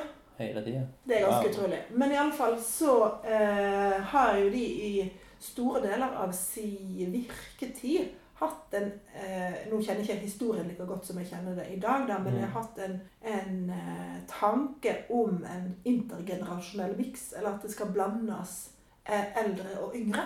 Og at det er en fruktbar miks. Sånn at når de setter sammen den gruppa nå av atelierkunstnere, eller de som får tilbud om atelier, så er det òg en, en gjennomtenkthet rundt det at, det skal, at de kunstnerne skal representere et mangfold, sånn at vi kan være spennende for hverandre og spennende å sette sammen. Mangfold Mm. både med tanke på eh, kunstuttrykk og type praksiser, men Mm. alder og kulturell bakgrunn Mm. og, og kjønn osv. Hvor mange? Det er, var eh, seks i første runde, og så er det fem i andre runde. Okay. Og så får de atelier i to år, da. Pluss å være med på dette utviklingsprogrammet. Du, hva er din del Jeg har eh, på en måte uh, forska på tilblivelsen av programmet og, og okay. hvordan det virker. Hva programmet er, og hvordan, hva kunstnerne har fått ut av det, og hva de ansatte på kunstnerne Som du skal følge de i seks år? Nei da, jeg, skal, jeg har fulgt den pilotperioden, som var de første to årene, og så et år til inn i den ordinære programperioden, for de fikk støtte til å videreføre ordningen, så jeg skal levere en rapport nå i september. Ok, Og den kommer til å være åpen for Ja. Kult. Og det har vært et veldig interessant arbeid. Det handler jo om kunstnerne sine produksjonsvilkår og Ja. kunstproduksjonsprosesser og formidling og alt sånt som jeg er opptatt av. Og litt mer knytta til på en måte dette med hva fasiliteter, fysiske og infrastrukturelle fasiliteter er det du har rundt deg. Mm. Og Ja. hvordan påvirker det kunstnerskap. Alt det kommer på da fordi at de har en, eh, en miks av eh, nye etablerte kunstnere og Mm. eldre kunstnere. Ja. Fordi at nettopp de tenker at det kan ha gi eh, noe positivt, eller representere en eller annen form for energi. Uten med det å sagt at vi veit liksom hva den etablerte representerer, og hva den unge etablerer. Mm. Den unge Representerer. Men uh, allikevel at uh, man har noe som, som kan være verdifullt for den andre. Men du har aldri forska på en enkeltkunstner? Mm. Og er det noe du på en måte unngår med vilje? Ja, nei, ja, jeg vet ikke. Altså, I det kunst om deling, delingens kunst, da var det jo en del, noen av alle de andre fokuserte på kunstnerskap. Det har du rett i. Ja. For eksempel så skrev jo Arnhild om Konstanse Tenvik. Mm. eh, Og noen utvalgte utstillinger og hennes kunstneriske praksis. Mens jeg skrev om eh, biennaler og kunstformidlingsprosjekter og sånn. Så du har eh, gjerne rett i det at jeg har ikke skrevet liksom om et kunstnerskap eller én kunstnerisk praksis og ti år i den praksisen. Mm. Eh, kanskje han må gjøre det. Nei, altså det er sikkert noen folk som gjør det. Ja. Det er jo litt mer sånn at kunsthistorikerne gjør det. Mm. Men allikevel så er det jo å forske på en kunstner. Altså det jeg gjør jo på en måte litt det med både Lunken kaffe og mine tegneserier. Og kunstneren, liksom, hvordan den Mm. er, og hvordan den opererer. Hva som er viktig på den. da. Jeg syns ikke det er interessant med kunstnerne sin eh, altså, eh, altså det de har lagd. Hva sa du? Praksisen og sånn. Mm. Men Du syns ikke det er så interessant? noe, noe kanskje. Ja. Det, jo, det er jo det, men jeg syns det er mer interessant med kunstneren og dens Ja. liksom, tanker og, og hvordan liksom, de forandrer seg personlig plan, Mm. liksom, og sånn. Eh, Biografien. Ja. Mm. ja, nei, jeg er nok litt mindre interessert i biografien. Det har Mm. du rett i. Og jeg eh, er veldig mye mer interessert i å snakke med dem om hvor begynner den ideen hos deg, eller hvordan materialiserte den seg, hvordan utvikla den seg Mm. videre. Hvordan endte dette her opp i en skulptur bestående av de og de materialene? Hva veier tok det ikke? Eh, hvor Mm. har du påvirkningen din fra? Og sånne ting. Det, og det er jo i kunstneren sitt eh, Ja. Men, eh, men eh, biografiene er jeg ikke så veldig opptatt av. Og så er jeg òg opptatt av kollektive skapelsesprosesser da, og deltakelse og involvering. Så der er det jo òg Samarbeidet. sånn. det er samarbeid, ja. Mm. Og så syns jeg jo òg, det er ikke sånn et innspill til din interesse, men jeg syns jo òg at kunstfeltet, historisk sett, og i hvert fall kunsthistorien, og eh, sosiologien, har vært altfor opptatt av den her genierklærte kunstneren. ikke? Så liksom øh, At det, Ja, fins én. Så jeg er mye mer interessert i å da på en måte undersøke hva andre folk, samarbeidsrelasjoner, ting, objekt, hendelser som var med og skapte eller påvirka det kunstnerskapet. Mm. For det at eh, folk er ikke alene, de jobber ikke alene, de blir påvirka av andre. De har assistenter, eller de får ideer i, i sparring med andre osv. Mm. Mm. Sånn at eh, eh, denne kanoniseringstanken og fokuset på den individuelle kunstneren, ge- genierklært eller ei, den eh, er jeg heller ikke så veldig interessert i. Ja. Men det, altså, jeg, jeg har jo det der Bergman-forholdet, men, Ja. eh, men jeg er jo mer interessert i hvordan kunstnere jobber, eller hvordan de tenker ikke, eh, ikke som en individuell greie, men som en sånn Jeg bryr meg ikke om hvem og hva, men hvordan og hvorfor Ja. mer, liksom. Mm. Mm. Men jeg tenkte vi skulle gå innom den uh, siste, så jeg gleder deg til. Med lunken metode. ja. Hvordan gjør vi det? Hmm, skal vi se. Lunken.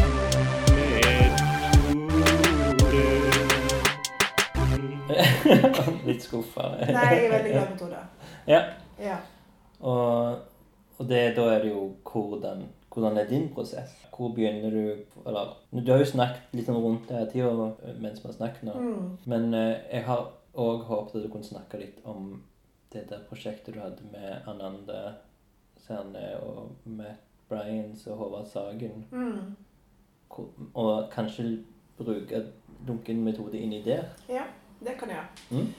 Men da vil jeg først ta en eh, kjapp tur innom eh, For dette, det, det som er forskjellig i min praksis, hvis du skal si det, Mm. når du snakker om metode, det er at eh, for vitenskapelige prosjekter, eller for, eh, for forskning, Mm. så er jo metode, metode et stort og eget tema. Og det handler jo om hvordan, du, hvordan vi får den informasjonen vi får. Mm. Jeg var innom kvalitativ og kvantitativ metode i stad. Mm. Eh, og på doktorgraden, så er, s- da, eller i forskningsprosjekter, så skriver man et eget metodekapittel og gjør rede for hvordan man har gått fram. sant? OK. Sånn at i doktorgradsarbeidet, da, som, som eh, ble den avhandlingen som heter 'Folk om forskjeller mellom folk', Mm. så eh, intervjua jeg 39 personer som er spredt i en sånn sosial geografi, eller som har ulike sosiale posisjoner eller klasser. Da. Folk med ulike klassebakgrunner Mm. og ulik alder og kjønn. Om eh, hvordan de opplevde endringene i Stavanger, og hvordan de ser på sosiale forskjeller og kulturelle forskjeller, eller kulturell verdsetting. Mm. Trenger ikke å snakke veldig mye om den, men da er det et veldig tydelig metodisk framgangsmåte som du skal gjøre rede for. Mm. Og der er transparens viktig, som du nevnte i stad. Mm. Og du må diskutere hva, hva veier det kunne tatt hvis du hadde gjort det annerledes, eller hva eh, avgrensinger og hindringer du møtte, eller hva du ikke fikk til, Mm. eller hvordan materialet kan tolkes i lys av at det var, ikke var kjønnsforskjeller, bla, bla, bla. bla, bla Ja. Sånn at det, vitenskapelig metode er veldig definert. Mm. Man kan bruke spørreskjema, eller ustrukturerte intervju, eller strukturerte intervju, eller bruke deltakende observasjon, som er metoden i antropologien. Mm. Så alt dette her man, det finnes det jo liksom, der kan du ta et eget kurs. Okay. Eh, så, men, så derfor var jeg glad at du nevnte metodisk framgangsmåte i mer sånn den kreative praksisen min, eller Mm. tekstproduksjon. Mm. Sant? Yeah. For da snakker vi om friere kunstfaglige tekster, eller helt frie. Yeah. Og da må det jo eh, være noe som du kommer på helt sjøl, eller Ja, det begynner jo fra ingenting. Mm, Sant? Sånn at da er det Det ligner mer på en kunstnerisk praksis. Jeg har jo ikke Mm. Jeg kan ikke snakke om metode sånn som eh, skulptører eller eh, tekstilkunstnere eller sånn, sant? Mens, mens eh, hvis jeg snakker om tekstproduksjon Nå flytter vi lenger og lenger mot veggen, for sola kommer der. Men eh, da er jo på en måte produktet mitt, eller resultatet av prosessen min, er da en tekst. sant? Så den Ja. tekstproduksjonen kan jo for så vidt da sammenlignes med et, en et, skulptur. en skulptur. Et annet. Det er jo Ja. en tekstlig skulptur. Ja, for du vet at det er du skal komme til slutt. Ja, Mm. og du må anta en form. Da er det fellesnevnere med andre sine kreative prosesser, vil jeg tro. Sånn at derfor er det kanskje mest relevant for oss å snakke om det som lunken metode. Ja. Og da kan jeg jo si litt generelt først at Og da blir spørsmålet hvordan eh, setter du deg ned og skriver en tekst, Merete? Sant? Exakt. Eh, og da er det nok en tanke eller noen begreper eller utst et utstillingskonsept eller et spørsmål, forespørsel fra noen Mm. som ligger og marinerer litt fritt i hodet en periode, uten at jeg skriver noe. For du ble spurt dette prosjektet Ja, Hvis du snakker om Book of Sam Singular Hands, som Ja. det heter det prosjektet, så Eller det er kanskje lettere for meg å nevne en annen tekst før, for den andre er jeg midt i. Så den vet jeg ikke hvordan ender. Ja. Men jeg kan snakke om det prosjektet med Ananda og de etterpå, hvis du vil. Men der har jeg ikke. Der er det ikke blitt en skulptur. Nei, nei, nei. Sånn at der er metoden ongoing, så du Ja. skjønner. Altså, det finnes sikkert tekster du har lagd uten at du har fått en spørsmål. Ja, og det var det jeg var inne på å nevne nå. For det at Mm. blant annet så har jeg skrevet en tekst om et kunst i offentlig rom-verk som er utenfor Elise Ottesen Jensen hus, som er mitt eget, min egen arbeidsplass, som er instituttet mitt på universitetet. Jaha. Og der står det et eh, verk som er todelt, som heter 'Å flytte et punktum'. Eller 'Å sette et punktum'. Aha, ja. Jeg, Ja. jeg tror jeg har sett at du har Ja. lagt ut bilde av det på Ja. Instagram. Mm. Eh, og det var en tekst som jeg ikke fikk spørsmål av noen om å skrive, men som nettopp da liksom Jeg skal ikke si pressa seg fram, men jeg hadde gått ut og inn av dette bygget Ja. en stund, eh, og ble veldig fascinert av de to steinene som står utenfor bygget, eh, på Mm. to forskjellige steder, med en sånn lang murflate under. Så da er jo på en måte utviklingen sånn at jeg eh, fascineres av noe som jeg går forbi, og i dette tilfellet så gikk jeg forbi veldig mye. Mm. Eh, og det satte i gang tankeprosesser om utvalgte tema, som jeg da på et eller annet tidspunkt bare begynte å skrive ned. Okay. Og da begynte det som at det er, ligger mye makt i å kunne sette et punktum, og at vitenskapelig utforskning og kunnskapsproduksjon handler jo om at noen lager en forståelse og, se, og komponerer noen setninger og setter punktum på et sted, eller setter spørsmålstegn eller Mm. utropstegn, eller flytter spørsmålstegn og setter to streker under det svaret osv. Man kan på en måte eh, tenke seg at det handler om kunnskapsproduksjon. Så det står to gedigne punktum Mm. utenfor bygget. Og så er det òg det at bygget heter Elise Ottesen Jensen. Og hun var jo en, en viktig figur, og det er hun som har starta Eller hun jobber med kvinnehelse og prevensjon. Hun som starta Mm. RFSU. Okay. Og har jobba masse med prevensjon og kvinnehelse og seksualopplysning. Mm. Som jeg syns er kjempeviktig. Mm. Eh, som òg satte i gang en del tanker. Og hun jobba jo da med å sette punktum på rett sted, eller flytte, for det var ikke lov å Mm. ha seksualopplysning eller prevensjonsinformasjon på den tida som Mm. hun virka. Mens hun jobba for å få det til. Mm, Så hun flytta jo de punktumene på en måte, for Mm. alle oss i ettertida. Mm. Eh, Så da, da kommer det fram noen sånne tanker, som kanskje er ett eller to eller tre spor. Og så begynner jeg å skrive noen sånne holdt på å si premature tekstlinjer. Eller temakoblinger eller noe. Men da går du på maskinen, ikke skriver Ja, Hvis det presser seg fram uten at jeg sitter med en PC, eller hvis jeg liksom får en, nesten en hel setning eller en kobling som jeg er redd for at jeg skal miste, da må jeg skrive det ned på et ark. Ja. Men Ikke mobil. Jo, det òg. Ja, hvis jeg er på, på Det kan òg skje. Men har du en, en lite Er det papir som du Sånn som nå har du Morgenbladet her i tilfelle du skulle skrive ned noe? Ja, og så har jeg et ark under her òg, så tilfelle jeg skulle skrive noe på det. Og der har jeg noen gule lapper. Og så Men har jeg ikke notisblokk? Jeg har noen ark rundt omkring, men jeg har aldri vært sånn at jeg har liksom ei skisseblokk med meg i, Nei, ok. i veska, sånn at jeg kan følge tankerekkene mine der. Det skjer mye mer sporadisk og Ja. uplanlagt. Skrive på presseskrivelse på utstillings... Uh, Ja, I bil. for de tar du alltid med. Ja, de tar jeg alltid med, selvsagt. Må jo sette meg inn i og lese tankene bak. Men for å bruke som dine egne tekster. Men òg er jeg interessert i deres tanker. Mm. Uh, ja, og hvis det ikke liksom presser seg frem, så setter jeg meg ned og begynner å skrive i et Word-dokument på PC. Altså hvis jeg har Mm. tid til det. Og så blir det en litt sånn løs tekstkropp. Så jeg begynner aldri på begynnelsen. Jeg veit aldri hva som er begynnelsen, eller begynner ikke på tittelen. Jeg bare liksom rabler det ned. Mm. Og så flytter jeg veldig mye på plasseringen til teksten. Eh, sånn at det er på en måte en sånn kvervlende tankerekke der alt ikke har fått sin plass. Og så skriver jeg meg gjennom den prosessen, og så får det forhåpentligvis sin plass. Ja. Der man kan følge et resonnement eller to eller tre gjennom teksten. Mm. Men når jeg begynner, så er det ikke det klart for meg i det hele tatt. Og det syns jeg er kjempespennende. Ja. At ikke ting er klart på forhånd. At, Mm. eh, At du kan begynne på midten. Og, Ja. Mm. og at jeg lurer på noe. Det, det det som Jeg lurer på noe sjøl når jeg Ja. skriver de kunstfaglige tekstene. Mm.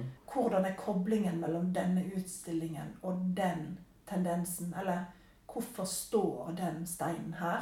Mm. Eller hva var det så Altså det er et eller annet jeg lurer på. Ja. Koblingen mellom eller tilblivelsen til, eller noe sånt. Som gjør at jeg blir litt sånn nysgjerrig på min egen prosess. da. Mm. Hvor vil dette ende? Hva vil jeg forstå når jeg er ferdig her? Ja. Og da er det ofte sånn at jeg må Da, da klarer jeg ikke helt å legge fra meg de tekstene, så da må jeg liksom da kan jeg skrive halv elleve om kvelden fordi at jeg lurer på Men du, går du, går du liksom til byarkivet for å finne mer info, eller? Da går jeg på internett. Ja. Du ringer det rundt folk? Um, mest Eller sender mail? Det kan òg skje. Ja. Uh, og hvis det er noen jeg kjenner, så tar jeg jo kontakt, eller jeg spør og graver rundt omkring. Ja. Enten når jeg møter folk spontant, eller uh, ved en direkte henvendelse. Men Mm. det er òg mye surfing og Ja. googling Mm. som leder deg i alle mulige retninger, som setter i gang noe. Og så er jeg jo, Du sa byarkivet, men jeg er mye på biblioteket. Det er ikke nødvendigvis for å låne bok om et kunstnerskap, men liksom det å lese bøker og Jeg er veldig flittig bruker av Sølvberget og Universitetsbiblioteket. Oh, ja. Og Universitetsbiblioteket er kjempeflinke Men sitter du òg og jobber på bibliotekene? Nei. Du tar med deg ting? samle. Samle masse, masse, masse bøker. Har du noen gang lånt 99 bøker? Nei. Det er det som er grensen. Å, jeg er det? Maksgrensen på hvor mye bøker kan du låne. Ja. Jeg spurte en gang. 99. Å ja, det er grenser, ja. Men nå kom jeg på det jeg har vært nærmest den grensa. Jeg visste ikke at det var 99, men Jeg vet ikke hvordan det er på universitetsbiblioteket. men Nei, sånn Men det jeg gjorde når eh, rett før uh, vårt utskjelte virus traff, Mm. det var å dra på biblioteket. Ah, Og da kunne du nesten se at jeg fråda kjeften. Jeg lånte så masse bøker til mine to sønner og meg sjøl. Da liksom alt var lov. Og da, og da var det rett før de stengte. For de hadde, jeg sjekka hvor tid de skulle stenge. Jeg tror det står som biblioteket stenger klokka tre. Eh, og jeg tror jeg dro dit før jeg skulle hente eh, guttene på skolen. For da måtte vi jo ta med alt, for da skulle de stenge. Sant? Så måtte liksom tømme Så det var 12. mars du Jeg mener det. rett til biblioteket først? Så fylte jeg bilen med bøker. Men det var jo kjempeviktig. Du visste ikke hvor lenge vi skulle være inne. Det var jo kjempesmart. Istedenfor dopapir så alle andre, liksom. Eller tørje. ja, ja, ja. Mye viktigere med de bøkene. ja. Uh, så da var det nok litt sånn Da var jeg sikkert vill i blikket. Altså, Lån så mye som mulig. Nei, altså, Men spurte du etter bøkene, eller sprang du plukket ut? Jeg, eh, jeg spør av og til, men jeg vet jo veldig stort sett òg hva jeg skal ha, og eller hva jeg liker. Og så går du på nyutgivelser, eller går på rett hylle, eller Ja. Men du får jo alltid god hjelp hvis du spør, da. Så eh, ja, elsker biblioteket.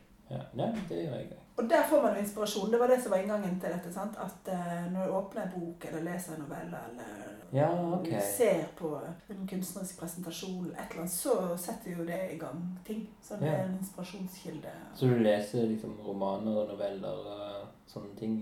Dikt i? Ja, ja. ja. Uh, Men litt videre i metode Uh, For forrige gang vi snakket sammen, så sa du at du, var, du likte å skrive lange tekster. Du setter aldri grenser til deg sjøl. Mm. Hvis du har total frihet. Det er lettere for meg å skrive langt, ja. Men Ja. jeg har jo ofte, det er jo ofte begrensninger. Enten det er en uh, vitenskapelig artikkel eller en bok som du ikke får lov å gjøre lenger enn sånn og sånn, eller Men når du har total frihet Ja, da blir det gjerne langt. Ja. Men uh, så er det òg sånn at um, jeg gjerne skriver lengre først, og så korter jeg. Det er kjekt. Liker du redigeringsprosessen? Ja, for da blir det Jeg er egentlig veldig glad i det, for da blir det jo Jeg har stor tilfredsstillelse i å oppleve sjøl at jeg syns teksten blir bedre. Ja. Og Derfor liker jeg òg den sparringen og redigeringsjobben. Mm. For da har noen andre eh, sett på det, teksten med et ferskt blikk. eh, Friskt utenfra. Og jeg trenger ikke være enig i alt, og jeg trenger ikke å godta alt. Men Ok. Jeg blir kjempeglad hvis de foreslår å kutte den leddsetningen som jeg faktisk skjønner at jeg er enig i. Ja. Og at, flyt, at teksten flyter bedre. Det er veldig. Kjempestas. Men hvis du er uenig, kan du ta, liksom, skrive kritisk tilbake eller forklare Ja, du Ja. trenger jo ikke å være hard, men du Nei, jeg blir ikke irritert. Men du tenker herregud, hun fatter jo ingenting. Det er veldig sjelden jeg har vært borti det. Ok. Eh, men, ja. men jeg sier tydelig fra hvis jeg syns det er feil eller misforstått. eller Mm. sånn. Dette er ikke innafor, eller dette Ja. Uh, Ja. Sier du av og til 'jeg har doktorgrad', og så slenger på Nei. og tar Nei, det har jeg aldri gjort. Hvem har doktorgrad av oss to? Ja, nei da. Nei, jeg bruker ikke den mye. Nei, Sånn. men eh, bare vit at det, du kan ha Gjør han klar. Eh, jeg ser vi har virkelig snakket lenge og, og mye. Eh, så derfor vil jeg eh, Jeg har et sist, aller siste Dette er en sånn bonus-twist Ja. helt i slutten for å sette det punktet med. Og det er Anna Ile, min samboer. Ja. Hun, hun lurte på en ting når jeg Mhm. sa at jeg skulle komme her i dag og intervjue deg igjen. Og det var Har du noen triks for hvordan du er, kunne være så likenes som du er? Mm, er det sant? er det sant? Sa du det? Ja. Smelt! uh, nei. Rødme, rødme, nei. Skal man si? Men er du Eller er du klar over at du er en, en likende person? Ja, i betydningen det er jo mange som er, gir tilbakemeldinger om det. Eller som Ja, er greie å si hva Ja. de syns. Om din Eh, personlighet? Ja, eller om Mm. ting jeg har gjort, eller ting du setter pris på. Um, Ja.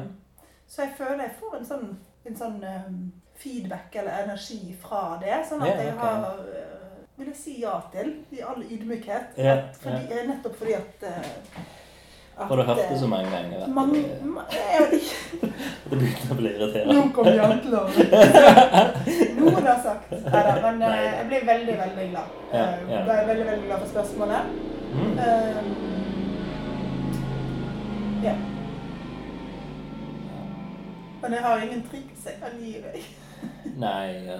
Jeg tror jo, altså bare for å få svare litt alvorlig, holdt på å si, Mm. så tror jeg jo at personer som er nysgjerrig anlagt, eller nysgjerrig Mm. av natur yeah. Jeg vet ikke helt hvor det kommer fra, men jeg er jo veldig nysgjerrig, og jeg stiller Mm. spørsmål. Mm. Og det tror jeg i alle fall at eh, Eller det er min erfaring at det liker mange. Det Ikke bare for at de ville snakke om seg sjøl, men at det viser jo en annen interesse. Mm. Og jeg er bare bygd sånn at jeg eh, har kjempelyst å stille mange spørsmål. Og jeg har heller merka av og til at noen syns det blir litt mye. Ja, sånn, ja. Men, Men, du, eh, ikke, du går ikke for personlig inn på folk Nei, noen, tidlig? Noen uh, har jo sikkert gjort det med òg. Ja, okay. Men uh, de har ikke gitt beskjed. Husker du om når du gikk, hadde sånn, sånn barnehagealder? Spurte du mye da? Husker du det? Om jeg var nysgjerrig i barnehagen? Ja. Husker du deg selv som barn? Et spørrende barn? Eh, nei. Var, mamma har sagt at jeg var veldig stille. Oh, ja. Tro det eller ei. uh, Men da var du sikkert bare tok mye inn, da. Ja. Samla. Ja. Og jeg må jo si, nå har jeg snakka non-stop nesten her, men jeg kan jo være stille og tenksom. Men nå er jeg jo en podkast Ja, ja, der du stiller Da spørsmål. får Men du stryke. jeg kan ikke huske meg sjøl som et veldig nysgjerrig barn, så kanskje det har kommet uh, litt seinere. Men det er i alle fall genuint. Det er ikke sånn tillært i voksen alder for at folk skal føle seg vel. Det er det ikke. Jeg er kjempeinteressert i svarene til folk, da. Ja, ja. Ja. ja, men det merker vi. Det var en veldig fin avslutning via Anna sitt stille spørsmål. da. Ja. Ja. Jeg håper jeg blir glad for Ja. Hun må høre ganske lenge, da. Så